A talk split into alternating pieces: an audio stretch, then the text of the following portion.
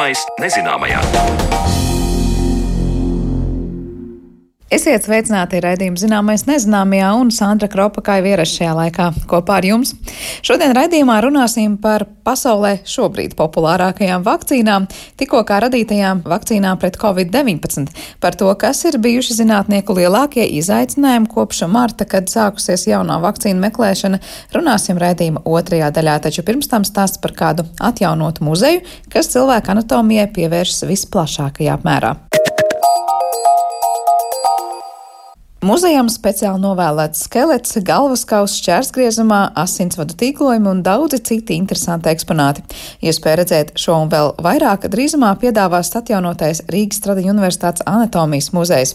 Ekspozīcijā, kuras pirmsākumu meklējam pirms simt gadiem, bet tagad ienākušas jaunas krāsas, paviesojās arī mana kolēģe Mariona Baltkāne. Anatomikuma komplekss Rīgā Kronvalda bulvārī būvēts 19. gadsimta beigās Rīgas pareisticīgo semināra vajadzībām. Kompleksā ir atradies arī zirgu stallis, bet uz šo ēku veroties šobrīd grūti tajā sazīmēt kādreizēju stalli. Ēka ir pārbūvēta, paplašināta un tagad tajā atrodams atjaunotais Rīgas Stradiņa Universitātes anatomijas muzejs. Noslēdzoties ārkārtējai situācijai valstī, muzejs vērs durvis apmeklētājiem klausītājiem, bet kamēr šo brīdi vēl gaidām, ieskatu tajā sniedzam muzeja vadītāja Ieva Lībieta un muzeja speciāliste Ilza Sirmā. Par anatomikuma un tā kolekcijas izveidi stāsta Ieva Lībiete. Bija anatomikums kā vieta, kur mācās medicīnas studenti jau no 1920. gada. Un anatomikuma otrā stāva kapelas, bijušajā kapelas zālē, atradās anatomijas muzejs. Bet uh, droši vien jau nākamgad anatomijas muzejs vērs durvis tādā jaunā kvalitātē. Tādā ziņā, ka mēs būsim pārcelti uz tādu jaunu, renovētu atsevišķu ēku, turpat anatomikuma nosaukuma teritorijā. Un šī ēka savukārt būs brīvi pieejama apmeklētājiem. Mēs būsim kā kurš katrs muzejs, kur var cilvēki izdomāt, nākt un viņu apmeklēt. Jo pirms tam muzejs bija pieejams apmeklētājiem, bet tas bija pēc iepriekšēja pieraksta, pēc vienošanās un parasti apmeklētājiem grupās. Mēs tiecamies būt tagad šobrīd atvērti visiem. Labi, ir skaidrs, ir izmaiņas ēkās, bet pati ekspozīcija, kā es saprotu, protams, ir veidojusies jau sen. Tas ir jau 20. gadsimta sākums, tas viss tagad ir vienkārši jaunās krāsās, skaņās ar svaigu elpu. Jā, tieši tā kolekcijai kopumā ir apmēram 100 gadi. Tā ir tapusi 20. gadsimta 20. un 30. gados. Nu, tas, ko mēs tagad ar mūsu kolēģiem esam izdarījuši, mēs esam pārcēluši šo kolekciju no tās vēsturiskajām telpām uz jaunām telpām, un uh, mēs esam centušies iedot uh, šai kolekcijai jaunus stāstus, teiksim, pārinterpretēt šo kolekciju tā, lai tā būtu interesanta arī 21. gadsimta uh, muzeja apmeklētājiem. Zināms ir tas, ka kolekcija tapusi mācību nolūkos medicīnas studentiem, taču viens no jautājumiem, kas apmeklētājiem jebkurā gadījumā varētu rasties, no kurienes tas viss ir iegūts. 20. gadsimta 30. gados bija Latvijā pieņemts likums, ka ik viens, kurš nomirst, ja viņam nav radinieku, tuvinieku vai principā neviens, kas vēlas viņu apbedīt, tad viņš tiek nodots anatomijas studijām. Tātad šos te neviena apbedīšanai nepieprasītos mirušos nogādāja uz anatomikumu. Un, ja sekcija laikā tika atrasts kāds īpaši ilustratīvs eksemplārs vai kāda neparasta variācija, varbūt kāda patoloģija, tad tas uh, tika saglabāts, ielikts burkā vai uzlikts uz statīva un ielikts anatomijas muzeja vitrīnā, nu, kā jau ilgāk lietojams objekts. Nu, tā mēs to visu dabūjām. Kad muzejs tikko sācis veidoties, preparāti arī pirkti. Piemēram, ekspozīcijā redzamie bērnu skeleti iegādāti no doktora Jirgena 1920. gadā.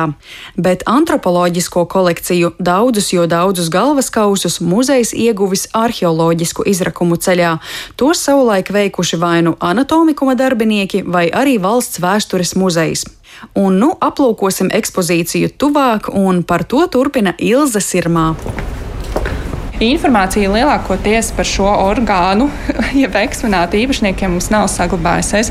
Tādēļ, jo īpaši prieks ir tad, kad uh, kaut kas ir zināms vai nu no tā laika preses, vai arī no paša anatoma pētījumiem.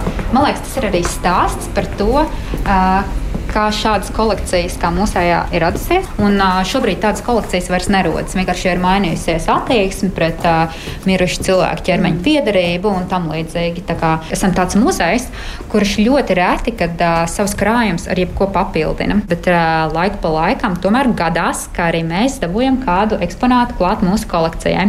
Un šeit mēs skatāmies uz vienu tādu skeletu, kas papildināja mūsu krājumus pagājušajā gadā. Stāsts ir tāds, ka 20. gadsimta 30. gados uh, Anatomijas institūtā preparātus, tostarp skeletus, izgatavoja arī pārdošanai, kā tāds mācību līdzekļus. Viņus pat maksājuši ap 200 latiem, kas tolaik ir pietiekami liela naudas summa.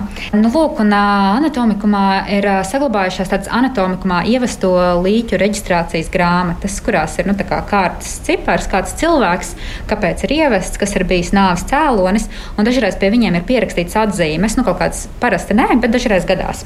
Šķirstot šīs līķu grāmatas, es, piemēram, piemēram, atklāja, ka 1931. gadā anatomikumā ir ievests 27 gadus vecs pašnāvnieku līķis, kuram klāt pierakstīts sastādīts skelets, nodots Krimuldas kaulu sanatorijai. Un es to pastāstīju savam kolēģim medicīnas muzejā, kurš Man saka, bet es tikko biju tajā sanatorijā, un tur ir skelets. Un tur ir rakstīts, viņam tiešām ir statīva anatomijas institūts. Un kā Krimuldas sanatorijas darbinieki tieši domāja, ko ar to skeletu darīt. Neviens nezina. Nu, tā kā vairāk viņam nav tur vietas. Un tad nu, mēs sazinājāmies ar kolēģiem tur, un viņš šo skeletu ļoti labprāt nodeva atpakaļ mums muzejam, kurā tagad viņš nu, ir pēc 90 gadu prombūtnes atgriezies tajā vietā, no kurienes viņš bija izceļojis 1931 gadā. Viena no lietām, kāpēc anatomijas kolekcijas ir svarīgas, jo skatoties uz anatomiskiem preparātiem, uz zīstiem preparātiem, mēs saprotam par to, cik mēs patiesībā visi esam dažādi un ka tā anatomija, ko mēs varam lasīt anatomijas atlasos, ir zināmā mērā abstrakcija. Nu, mēs visi esam kaut kāda variācija par tēmu cilvēks, un tad mums ir tāds atsevišķs kolekcijas, kas ir tieši par variācijām. Šeit savulaik muzeja kādreizējais direktors Jēkabs Prīmans interesējās par nieru asinsvadu variācijām, par dažādām nieru variācijām un anomālijām. Tāpēc ir tāda vesela viena vitrīna, pilna tikai ar dažādām nieru preparātu kolekcijām. Zinām, ka nieres mums ir patiesībā divas normālā gadījumā, bet šeit savukārt mēs redzam, ka tā niera ir tikai viena un ka viņa ir pakāveidā. Tas ir noticis jau embrionālās attīstības laikā, ka tie nieru apakšējie poli kopā ir satuvojušies tik tuvu, ka viņi ir saskārušies un saplūduši, veidojot vienu pakāveidu nieri. Un, aprēķināts, ka šāda pakāveida niera ir aptuveni vienam no 500 cilvēkiem. Un par to visbiežāk jau mēs uzzinām tikai nejauši, jo nekādas lielas sūdzības viņi parasti nerada. Vērojot savas skeleta kustības, kas projicējas uz speciāla melna ekrāna, kopā ar muzeja pārstāvēm dodos uz pagrabstāvu, kur iespējams aplūkot gan bagātīgu muzeja atvērto krājumu, tostarp ar dzīvnieku anatomijas preparātiem, gan gūt priekšstatu par iedzimtām anomālijām, piemēram, trešo krūtsgalu un starpdzimumu, gan ieraudzīt tetovēto ādu kolekciju, un ar to iepazīstina Ilze Sirmā.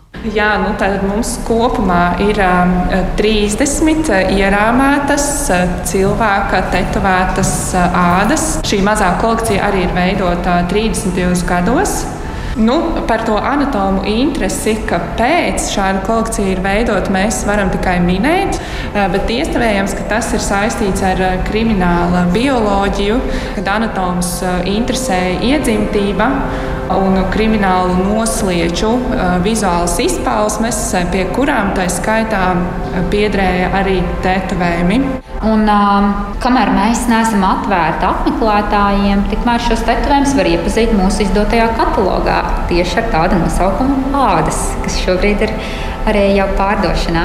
Bet jautājums, kā ādu var saglabāt tā, lai tā būtu redzama tāda, kāda mēs to redzam te? Patiesībā vienīgais ārsts, kas ir izteicies par to, kā būtu pagatavojami tetovēts ādas preparāti, ir tāds Rīgā dzimušais, tāds baltvācu ārsts un anatoms Ludvigs Stīda. Viņš ir strādājis ilgāku laiku tērbatā, un viņš ir arī rakstījis. Un man liekas, ka pēc šī apraksta nu, ir ļoti ticams, ka arī mūsu ādas preparāti ir izgatavoti tieši tādā veidā. No āda ir nopreparēta pirmkārt, tad ir no ādas noskrāpēts liekie tauku slāņi, tad āda ir likta dehidratēties spirta šķīdumā, un, nu, lai izvilktu ārā tādu ūdeni lieko. Un tad pēc šīs apstrādes spirtā āda ir vienkārši nostiepta, izmantojot tādas kniepadatas un izžāvēta. Un pēc tam, kad viņi ir izžuvusi, tad jau viņi ir pārklāti ar tādu mastikas laku un glabāta jau vai nu zinātniskiem vai ekspozīcijas mērķiem. Un šie ir vienīgie preparāti, kuriem anatomi ir atzīmējuši informāciju par viņu bijušiem īpašniekiem. Šeit tā, ko jūs redzat, visi tie numuri, tie tā saucamie tā anatomikāmā ievestā uh, līķu reģistra numuri. Tad, piemēram, šis cilvēks ir bijis ar 768. numuru. Mums ir redzēt, cik daudzi preparāti ir nākuši tieši no viņa ādas. Viņš acīm redzot, ir bijis jūrnieks, no vismaz spriežot pēc tetovējumiem. Un tad uzrakstās krūtī Bože Hraņīvorjaka. Jā. Un Amerika tajā pašā laikā, jā. Jā, ar kā burtu. Bet tas nozīmē, tam 768 pretī bija arī nu, tā laika dokumentos vārds uzvārds, protams. Uh, jā, tas ir uh, cilvēks, par kur mēs neko daudz nezinām. Mēs zinām vienīgi to, ka viņš ir uh, nomiris uh, psihiatriskajā slimnīcā Rīgā, un viņš ir nomiris no smadzeņu sifilisa, kas ir tāda vēla sifilisa komplikācija. Es domāju, ka uz šīm tetovētajām ādām var arī skatīties uh, kā uz tādiem nu, um, attiecību vēstnešiem. Jo mēs zinām, ka šajā kolekcijā ir tikai vīriešu tetovētās ādas. Un ieskatoties, mēs arī pamanām, ka daudzos tetovējumos nu, tur ir tie attiecību stāsti, tur ir sieviešu portreti. Tur ir diezgan daudz kailas dāmas, ilgas. Tur ir Sīžets, kā vīrietis pasniedz dāmai ziedu pušķi. Tas nav kaut kas svešs vai necilvēcīgs, ko mēs nepiedzīvotu mūsdienās. Viens no muzeja saukļiem ir šeit viss ir pa īstam, un šo sajūtu apmeklējuma laikā vēl jo vairāk piešķirs aplikācija RSU muzeum. Noskanējot svītru kodu konkrētiem preparātiem muzejā, aplikācija palīdzēs atklāt vēl vairāk informācijas vai, piemēram, ieraudzīt galvas kausu šķērsgriezumā. Gan ieejot muzejā, gan atvadoties no tā, ar cilvēkiem satiekas vēl kāds skelets. Šis ir uh, Jānis Teodors Luksteņš, kas ir izdarījis uh, pašnāvību 1925. gadā, nošaujoties ormaņa ratos uz Elizabetes un uh, Valdemāra ielas stūra. Un, uh, ir zināms, ka viņš ir atvests uz uh, anatomikumu. Un, uh, pie viņa vārda savukārt šajā ievesto līķu reģistrā ir rakstīts, ka viņš lūdz sastādīt skeletu. Viņš ir vēlējies būt um, kā skelets anatomijas muzejā, kas man liekas ir uh, ļoti labs objekts tieši ienākot uh, muzejā. Jo viņš arī liek apmeklētājiem uzreiz saprast un nojaust, ka ik katra lieta, ko viņš redzēs šajā muzejā, patiesībā ir nākusi no kādreiz dzīvojuša cilvēka. Katrs orgāns burkā, katrs vismazākais kauliņš, viņš ir kādreiz bijis kādam piederīgs. Par Rīgas Tradiņu Universitātes anatomijas muzeja eksponātiem, kas plašākai apskatē būs pieejami pēc ārkārtējās situācijas beigām, stāstīja šī muzeja vadītāja Ieva Lībieta un muzeja speciāliste Ilza Sirmā. Ar viņām tikās un muzejā ielūkojās Mariona Baltkalna. Bet par medicīnā šobrīd tik aktuālo jautājumu Covid-19 vakcīnu mēs runāsim raidījuma otrajā daļā.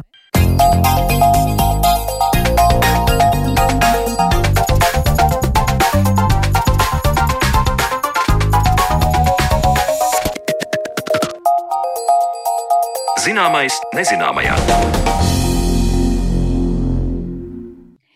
Nu jau vairākās pasaules valstīs plānos sākt vakcināciju ar tikko radītajām Covid-19 vakcīnām. Tās radītas, nu, ja tā var teikt, trieciena tempā, tāpēc, protams, ka daļu sabiedrības eh, tas dara bažīgs. Ko nozīmē šis ātrais temps un cik dažādas ir šīs vakcīnas? Daļa no tām radīts izmantojot pavisam arī jaunas pieejas. Tad nu, par to visu mēs šodien parunāsim mūsu attālinātajā studijā, jo esam sazinājušies ar Rīgas Tradiņu Universitātes asociēto profesoru un Bērnu Kliniskās Universitātes slimnīcas infektoloģi. Arī ģimenes vakcinācijas centra vadītāja Dācis Zavācka. Labdien! Labdien! Vai varam teikt, ka šīs te Covid vakcīnas nu šobrīd var teikt, ir tāds kaut kas revolucionārs un jauns risinājums un nebijis vispār vakcīnu pasaulē? Kā jūs to komentētu? Laikam no diviem aspektiem noteikti. Nu, revolucionāro paskatīsimies, bet kaut kas nebijis. Jā, viens no tiem aspektiem ir tātad laiks, kādā kopš nu, mikrobu patogēna vai tas, pret ko mēs vēlamies darboties, precīzas uzbūves, tā skaitā ģenētiskās uzbūves uzzināšanas, līdz brīdim, kad principā tiek gandrīz jau reģistrētas pirmās vakcīnas, ir pagājis nepilns gads. Tas ir tiešām nebijis. Daudziem tas rada bāžas, speciālistiem tas rada varbūt nedaudz lielāku piesardzību kā parasti, jo nu, neviens jau negrib nu, kaut kādas nevēlamas lietas pēc tam. Ja? Un, bet otrs, tātad noteikti arī šīs jaunās tehnoloģijas, kas nu, tā pilnīgi godīgi sakot, nav pilnīgi jaunas.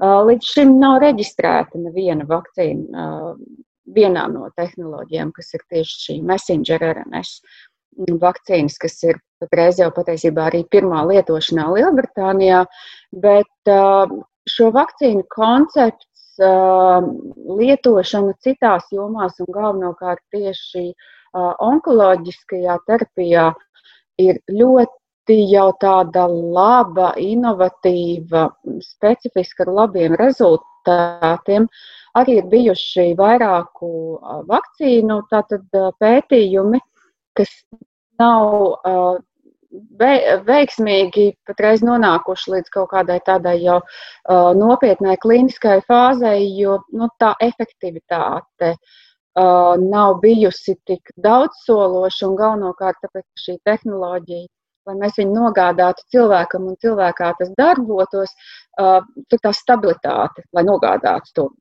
tos instrukcijas, ja to instrukcijas nesēju. Tā ir bijusi nevis drošība, ja, bet tieši tā stabilitāte, lai ievadot cilvēkā, mēs sagaidām to pašu efektu tikpat lielā apjomā, kā tas, piemēram, ir nu, dzīvnieku modeļos vai, vai, vai, vai sākotnējos pētījumos. Varbūt jūs varat pavisam vienkārši cilvēkiem izstāstīt, nu, kas ir tas fundamentāli atšķirīgais tajā, kā strādā šīs messenger RNS vakcīnas, kas skan tik atsvešināti un, un nesaprotami. Mm -hmm. Lielākajai daļai cilvēki, tīpaši kas, nu, tiem, kas nav saistīti ar bioloģiju, pavisam noteikti, kur ir tā būtiskākā atšķirība? Tātad, ja vēsturiski un daudzas no joprojām vakcīnām, ko mēs lietojam, ir veidotas tā, ka vai nu mēs tātad nobeidzam to pašu vīrusu vai baktēriju, kas ir pie vainas slimībai, un, vai arī mēs spējam no viņa izdalīt kādu visraksturīgāko vietiņu. Parasti tas ir kāds receptors, kāds, kāds um, olbaltumviela no viņa virsmas, tā kā varētu to salīdzināt ar unikāliem pirkstu nospiedumiem. Uh, cilvēkam, jā, tā arī katram mikrobam ir kaut kāda ļoti, ļoti raksturīga vieta, pēc kuras tad imunā sistēma viņu vienmēr nekļūdīgi atpazīs. Nu, lūk, un tad tas process, protams, aizņēma ražošanas process, aizņēma, aizņem joprojām daudz ilgāku laiku, un ir vakcīnas, kuras ražošanas procesā vien jau ir divi gadi nepieciešami. Uh, piemēram, mērķa encefalīta vakcīna. Bet, protams, tehnoloģijas attīstās un dažas no pēdējām vakcīnām, kas ir uh, olbaltumvielu daļiņu vai vīrusam līdzīgo daļiņu vakcīnas, piemēram, cilvēku papillomas vīrusa, B hepatīta. Uh, vakcīnas, viņas jau ir daudz mūsdienīgākās tehnoloģijās, kur mums jau ir iespēja tīri uh, neizmantojot pašu mikrobu radīt šīs specifiskās viņa raksturlielumus. Bet, protams, arī mikrobam ir savs ģenētiskais materiāls un savas instrukcijas, kā viņš ir uzbūvēts, kā viņš tālāk darbosies. Viņam parasti ļoti labi um, iekodēts, kā viņam slikti darboties pret cilvēku. Nu, lūk, un tā tad Covidam vai koronavīrus šim tātad veidam, mēs jau visi esam daudz dzirdējuši, ir šis spike proteīns. Tātad uz viņu virsmas ir tāds smailes izaugums, ja tā var teikt, un tas ir tas viņa ļaunākais ierocis, ko viņš pieķerās cilvēku šūnai. Un šī messenger RNS nesīs instrukciju, sevī saturēs zinātnieku sintēzētu instrukciju, kā precīzi izveidot šo spaiku proteīnu, šo smailo proteīnu. Tātad tas ir tāds ziņnesis, šis messenger RNS. Un uh, tad, kad mēs viņu injicējam cilvēkam muskulī, šūnas, cilvēka šūnas momentā to uztver. Protams, tas ir svarīgi, tas ir kaut kas jauns ienācis. Uh, un tā tad cilvēka šūnas jau tālāk pašas ražo. Viņām tātad viņas momentā nolasa šo instrukciju un sāk ražot šo spēka proteīnu. Bet te uzreiz ir svarīgi piebilst, uh, daudz jau ir radušās nesaprašanas un, un maldīgi izplatīti uh, apgalvojumu, ka šīs vakcīnas un šis messengers kaut kādā veidā iejaucās jebkuras no mūsu šūnām ģenētiskajā materiālā. Pilnīgi noteikti nē. Kategoriski nē. Mūsu šūnas ģenētiskais materiāls un vispār mūsu ģenētiskais materiāls atrodas kodolā. Šis messengers līdz kodolam netiek, Uh, viņš nekādā mērā nesasaistās un vispār nespēja ietekmēt mūsu ģenētisko materiālu. Bet šūna ir pietiekami sarežģīta un gudra. Viņa uh, tā tad uh, sāk pati ražot šo spēku proteīnu, bet tiklīdz kā viņš šo instrukciju ir uh, nolasījusi, viņa aiziet bojā. Un tātad arī šis messengers mūsos ilgstoši neusturās. Viņam nav iespēja pēc tam ilgi šo, šīs instrukcijas likt mums ražot. Bet tas ir tas, ka tā mūsu šūna uz īsu brīdi to spaiku proteīnu izveido. Ir pilnīgi pietiekami, kā mēs redzam, arī pēc uh, efektivitātes pēt, nu, datiem, kaut vai kompānijas sniegtajiem vai no pirmajiem uh, pētījuma fāzēm. Tātad uh, efektīvi tas ir šoreiz izdevies, un tātad imunā sistēma atbild jau Uh, uz šo spaiku proteīnu, ko mūsu pašu šūnas ir spējušas izveidot un parādīt imunai sistēmai. Er... Šī uh, messenger RNS tehnoloģija tātad ir. Uh, viņi uzreiz dod iespēju mums ātrāk izveidot šo uh, vakcīnu kandidātu. Un patiesībā, ja visi spēki uz to tiek koncentrēti, un zinātniekiem nav jānodarbojas ar citām lietām, tad uh, viņi to var īstenībā nu, pieņemsim, nezinu, nedēļu, mēnešu laikā izveidot, ja, tad tālāk viņiem, protams, savs koncepts ir uh, daudzos citos veidos jāpierāda. Tad kaut kādā posmā ieslēdzās uh, laboratorija ar dzīvnieku pētījumiem, lai kā mums tas uh, bieži vien liktos sāpīgi, ja, bet nu, tāda ir tā dabas loma. Un tālāk, jau tad, kad ir tiešām pierādīts nekaitīguma, tātad toksicitātes koncepts, ka tas darbojās, kad imunās sistēmas šūnas atbild baltās pelītes ļoti līdzīgi. Viņu imunās sistēma darbojās cilvēka imunai sistēmai. Nu, tad jau tiek iesniegts atkal kārtējam regulātoram, tātad institūcijai, kas dod vispār atļauju kaut ko tādu veikt. Un tur ir ētikas komitejas, tur ir speciālisti. Tas ir ļoti nopietni un sarežģīti, lai vispār uzsāktu šādus pētījumus. Tas jau ir viens no pirmajiem kārtīgajiem filtriem, lai mēs nenodarītu cilvēkiem pāri. Tad ir pirmās fāzes pētījums, kur ir daži, cilvēki, nu ne daži, daži simti cilvēku brīvprātīgie. Uh, Un, un uh, mēs esam arī dzirdējuši, cik nu, patiesībā tiešām altruistiski šie cilvēki citu cilvēku labā piekrīt šiem pētījumiem. Un, laikam, nekad mēs nevarēsim pateikt pietiekami paldies viņiem. Nu, lūk, un uh, tad, kad jau tad pirmajā fāzē mēs skatāmies, kad arī cilvēkiem koncepts darbojās, ka tas ir droši, un tad jau iet otrā un trešā fāze, un te es atkal gribētu daudz mēģināt skaidrot, kad Trešā fāze - klīniskie pētījumi, tie ir desmiti tūkstošu cilvēku, kas ir iesaistīti. Un, protams, ka mēs iegūstam arī efektivitātes datus, lai gan otrā fāzē tā, tā efektivitāte arī tiek diezgan vērā ņemama iegūta, bet otrā un trešā fāze mums sniedz ļoti daudz informācijas par drošību.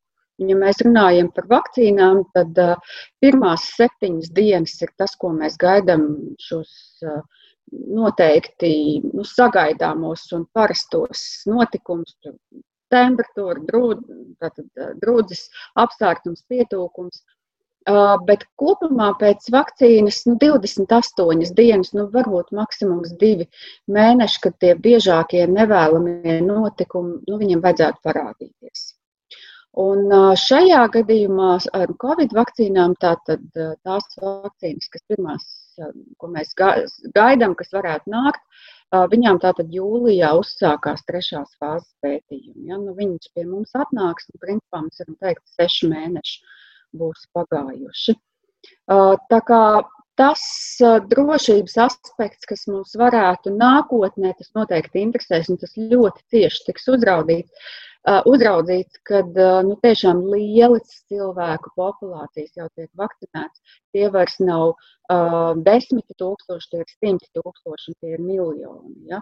Un tad, protams, kad var uh, izlīst ārā kaut kas tāds, kas ir mm, nu, vienam no miljona, vienam no simts tūkstošiem. Ja? Bet medicīnā vienmēr vajadzētu atcerēties, kad mēs runājam par risku un ieguvumiem. Uh, Un, uh, bieži vien mēs kaut kā runājot par vakcīnām, piemēram, aizmirstam, ka mums ir daudz citu medikamentu, kas ir vispār vēl mazāk pētīti. Mēs ar prieku viņus gaidām un ceram no viņiem saņemt gaidīto efektu, piemēram, onkoloģijā ja, vai citas inovatīvās uh, tehnoloģijas medikamentiem. Uh, tā kā, protams, nekas nav tikai balts vai tikai melns, bet saistībā ar vakcīnām mums ir milzumu daudz zināšanu līdz šim un, un tehnoloģiju attīstības. Bet tas, ko jūs teicāt par tiem sešiem mēnešiem, kas šobrīd ir pagājuši, nu, es saprotu, ka daudzu cilvēku bažas ir tieši par to, ka nav pagājuši vēl gadi, un vai ir kaut kāds pamats bažām, ka varbūt tiešām pēc gada, diviem, trījiem varētu izlīst mūsu organismā ārā kāda nu, blakne vai reakcija, kas pēc tam tiks sasaistīta ar šo covid vakcīnu. Kā jūs uz to raugāties? Um, Tāda, vien, tāda varbūtība vienmēr būs ar jebkuru medikamentu vai citu intervenciju. Tāda ir dzīve. Uh, nu, no vēstures ņemot, uh, tādi gadījumi ir bijuši, bet viņi ir bijuši nu, sal, nu, salīdzinoši tiešām reti. Pēdējais bija tātad, uh, 2009. gadā, kad bija cūku gripa, bet uh, tur tā Protams, tas pagāja laiks, kamēr mēs to sapratām. Tur bija arī uh, galvenais spēlējošais faktors, tātad šī ģenētiskā predispozīcija. Tās bija noteiktas, uh, nā, nu, nevis nācijas, bet tautas, kam bija šis predisponējošais faktors, lai sastopoties ar vakcīnu, plus vēl daudzi citi faktori. Ja? Tātad sakrita šī puzle nu, tādā visnelabvēlīgākajā notikumā un, un šis narkolepsijas stāsts. Un, protams, ka skandināvi kopš tā laika ir vēl vairāk uh, visas drošības lietas skatījušies un, un, un, un, uh, un, un daudz asāk uztver vakcīnu, jaunu vakcīnu uh, ienākšanu. Bet uh, man ir diezgan cieša saistība arī ar Somiju, un, un es skatos, kas notiek Somijā tagad ar Covid un nāk, vakcīnu, kas nāks. Uh, Nu, es varu tikai uh, cepuri noņemt viņu priekšā, cik ļoti zinātniski un uzticoši uh, ekspertiem viņi to gaida. Protams, viņi izvērtē, es nezinu, nu, nevis septiņreiz nomēra un tad nogriez, bet vēl vairāk. Ja? Bet uh, nu, nu, tāds, es nezinu, bezjēdzīgs mutes kulstīšana un cilvēku maldināšana, kā tas ir pie mums, es nesaprotu, no kā tas radās un kāds no, kam no tā ir labums. Bet uh, kopumā tātad, um, jā, ilgstošā laika periodā kaut kas mazliet varētu uh, parādīties, un tam tiešām ir laiks, un tad mēs atkal esam spiesti piesaukt riskus un ieguvumus. Bet, uh, ja mēs nemēģināsim, tad mums nebūs efektīvi līdzekļi. Bet, nu, vajadzētu arī saprast, ka tādā brīdī, kad uh, Eiropas medicīnas aģentūra viņu reģistrēs, tad uh, Eiropas medicīnas aģentūra ir pieaicinājusi milzumu daudz no dažādām valstām par katru mazo sīkumiņu ekspertus, kuri tad nu, purina to ražotāju nu, līdz pēdējai vīlītei un vispār par kosmosu.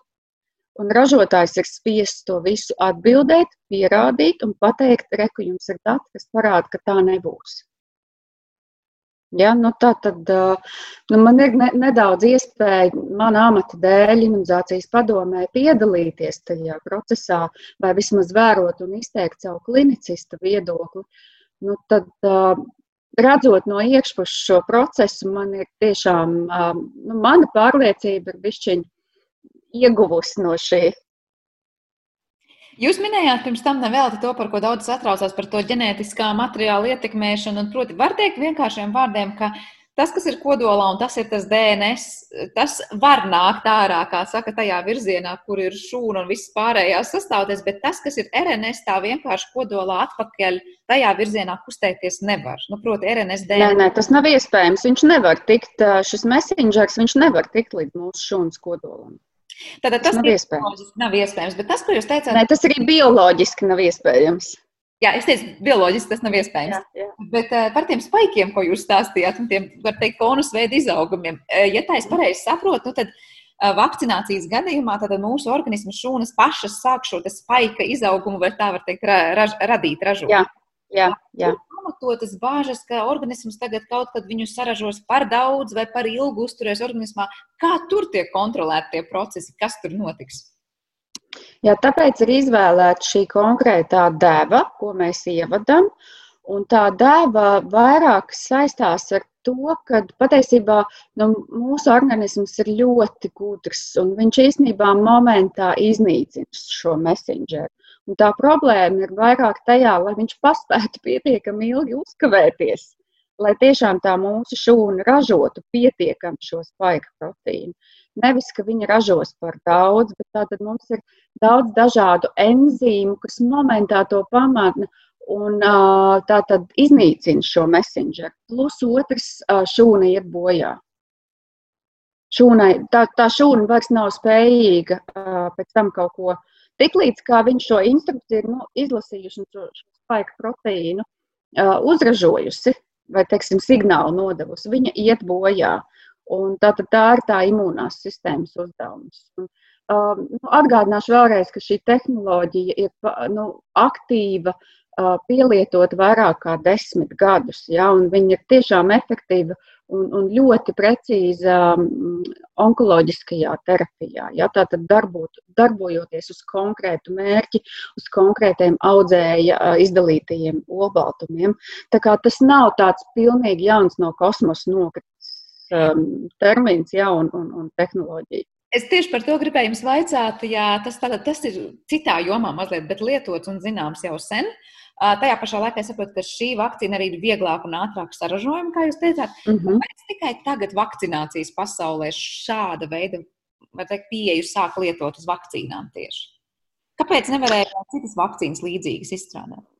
Jā, tie kandidāti, kas ir bijuši izvēlēti, tad HIV vīrusu, cita megalovīrus, gripas vīrusu, ne tikai šī tehnoloģija, arī citas tehnoloģijas ir mēģinājušas izveidot pret šiem vīrusiem vakcīnas, bet uh, tas nav īsti veiksmīgi izdevies, tāpēc, ka nav, nu, nav iespējams tik ļoti to pašu galveno kodējošo. Ja? Um, ielikt tajā vakcīnā, plus jāņem vērā, ka viņš arī var mainīties, vai viņš var būt ārkārtīgi sarežģīts. Ja? Piemēram, gripas gadījumā viņš visu laiku mainās, tāpēc mēs arī katru gadu pret gripu vakcinējamies. Uh, HIV infekcijas gadījumā viņš ir nenormāli sarežģīts.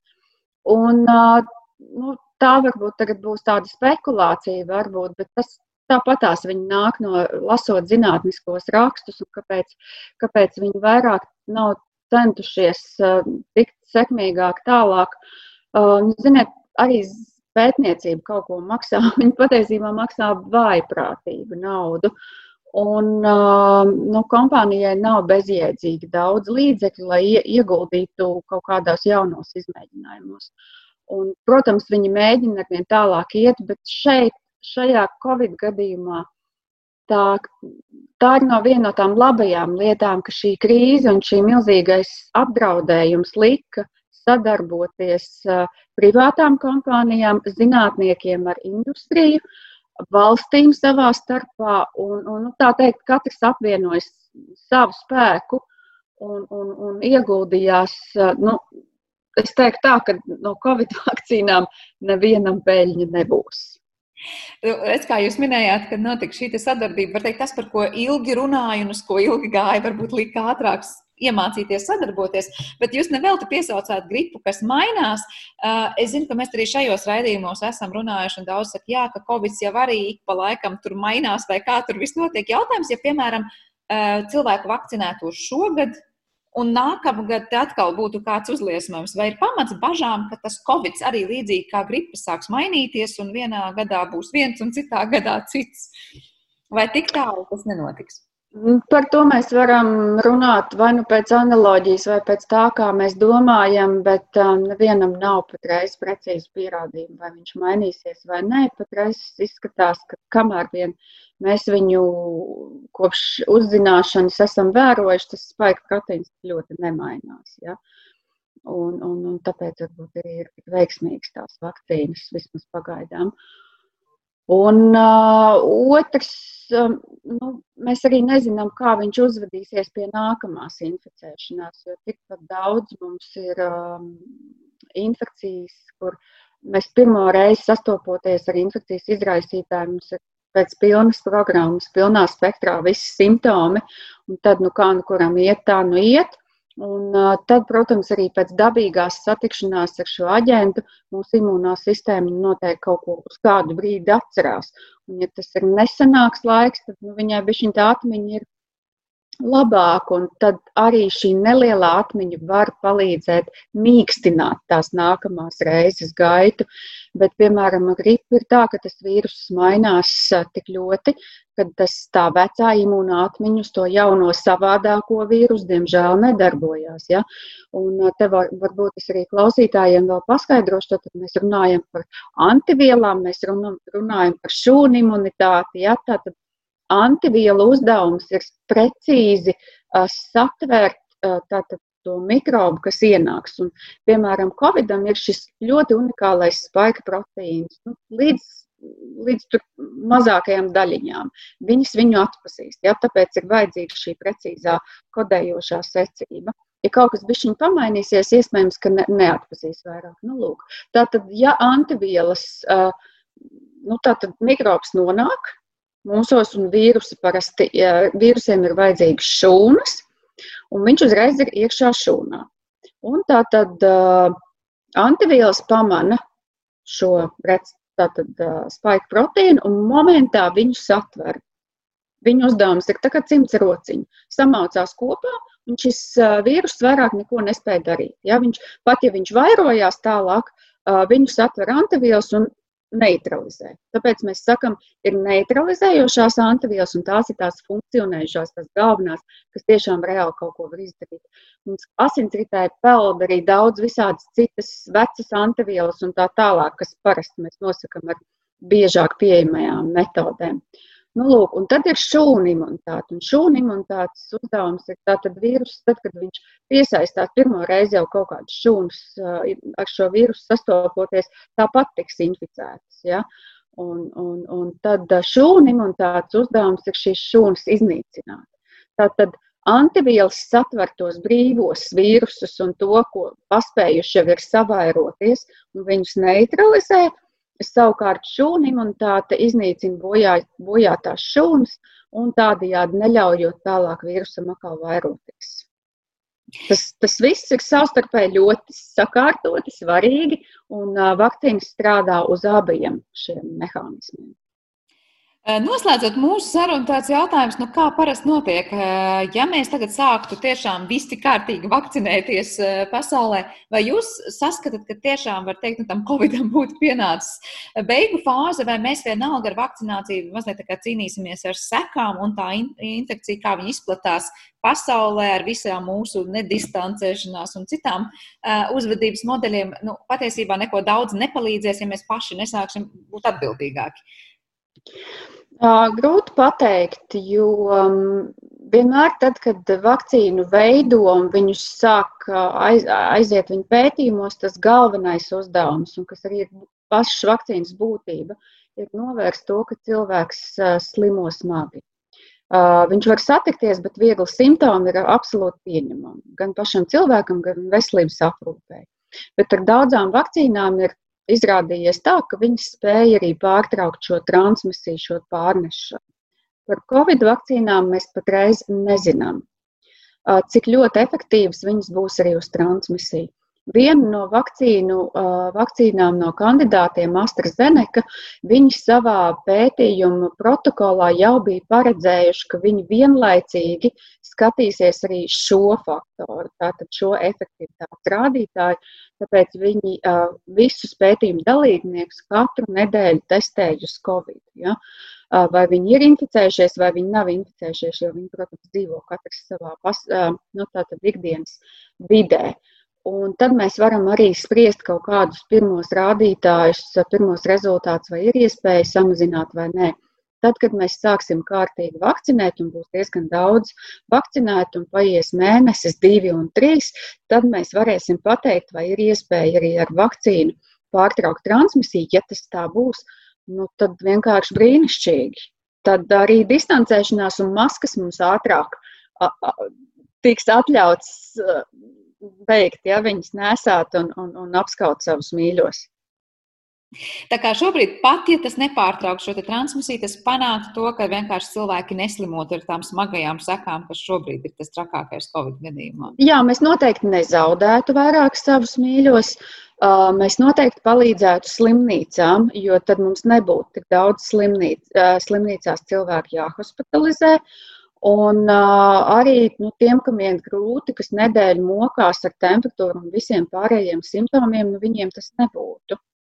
Nu, laikam mums nav tāda liela iebilduma pret tiesnām vai to, ka mēs trīs dienas kaut ko nejūtam ar, ar degunu. Ja, nu, tas nav tik traki, bet, uh, protams, noteikti tiem, kam klājās smagi. Nu, ko teikšu, liels jums paldies par šo sarunu un to, ka viesāt skaidrību vismaz daļai šajos sarežģītajos jautājumos, nu, cik nu mēs varam 25 minūtēs izrunāt. Dzirdējām mūsu attālinātajā studijā Rīgas Stradiņa Universitātes asociēto profesoru un Bērnu Kliniskās Universitātes slimnīcas infektoloģiju, arī ģimenes vakcinācijas centra vadītāju Dācu Zavācku.